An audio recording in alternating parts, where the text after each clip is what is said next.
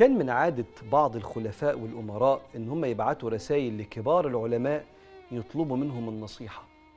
وكتير كانوا يطلبوا منهم خلاصات من خبرات حياتهم. ومن حظ سيدنا عمر بن عبد العزيز إنه كان عايش في عصره إمام الواعظين سيدنا الحسن البصري.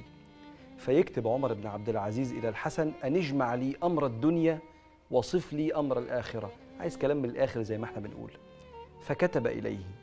إذا زللت فارجع وإذا ندمت فأقلع وإذا جهلت فاسأل وإذا غضبت فأمسك. واعلم أن أفضل الأعمال ما أكرهت النفوس عليه.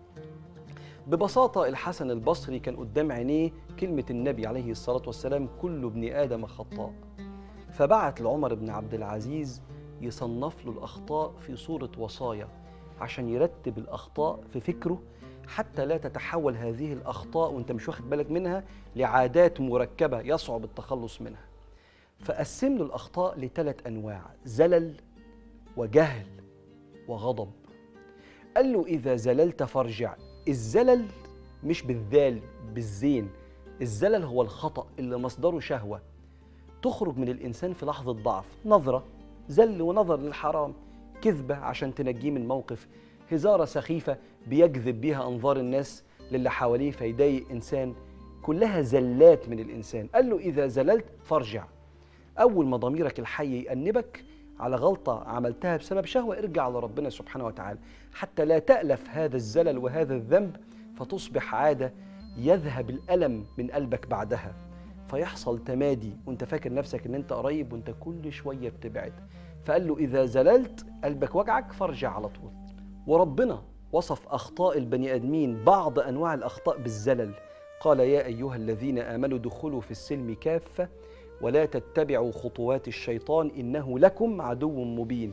فإن زللتم من بعد ما جاءتكم البينات فاعلموا أن الله عزيز حكيم. ارجع للعزيز الحكيم بعد هذا الزلل. وقال لسيدنا آدم ولا تقربا هذه الشجرة فتكونا من الظالمين فأزلهما الشيطان عنها فأخرجهما مما كان فيه. وبعدين تاب ورجع سيدنا آدم. فقال له لو غلطت بناء على شهوة زللت فارجع على طول. ده أول نوع من الأخطاء. قال وإذا جهلت فاسأل. ساعات الإنسان بيغلط لأنه مش عارف. فأنت لو غلطت وأنت مش عارف هتتصرف بمعلومات خاطئة مع تصورك إنك تعرف وده بيسموه الجهل المركب.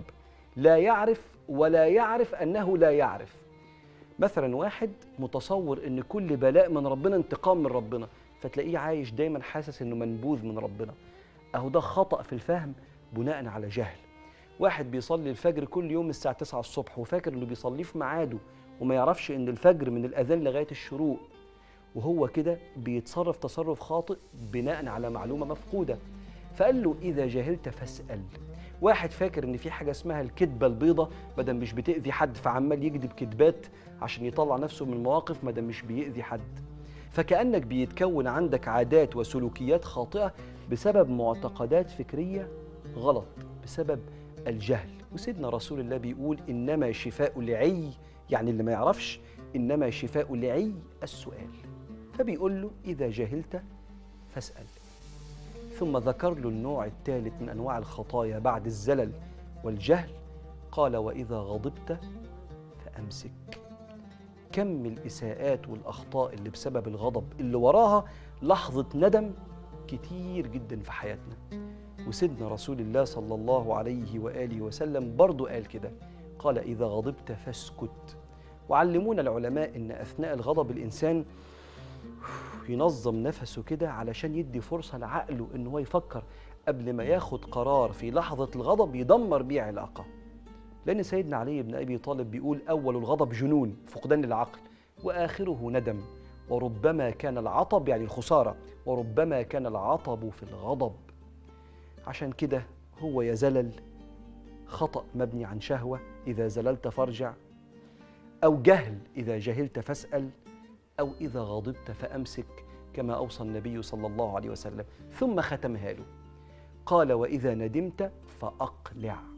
يعني لو غلطت بسبب زلل أو جهل أو غضب وحسيت بالندم ارجع على طول لرب العالمين سبحانه وتعالى وخليك متأكد إن وأنت بترجع أنت بتسيب أرض العصيان ستصل إلى ساحة الرحمن. ربنا سبحانه وتعالى بيغفر جميع الذنوب الصغيرة والكبيرة بيغفر كل الذنوب اللي بكل الأسباب اللي بالزلل أو بالجهل أو بالغضب. ربك بيقول ومن يعمل سوءا أو يظلم نفسه ثم يستغفر الله يجد الله غفورا رحيما فاللهم إن زللنا فتب علينا وإن جهلنا فعلمنا وإن غضبنا فاحفظنا من شر أنفسنا. وإن قضيت علينا أن نكون من الخطائين فاجعلنا لك يا رب من خير التوابين.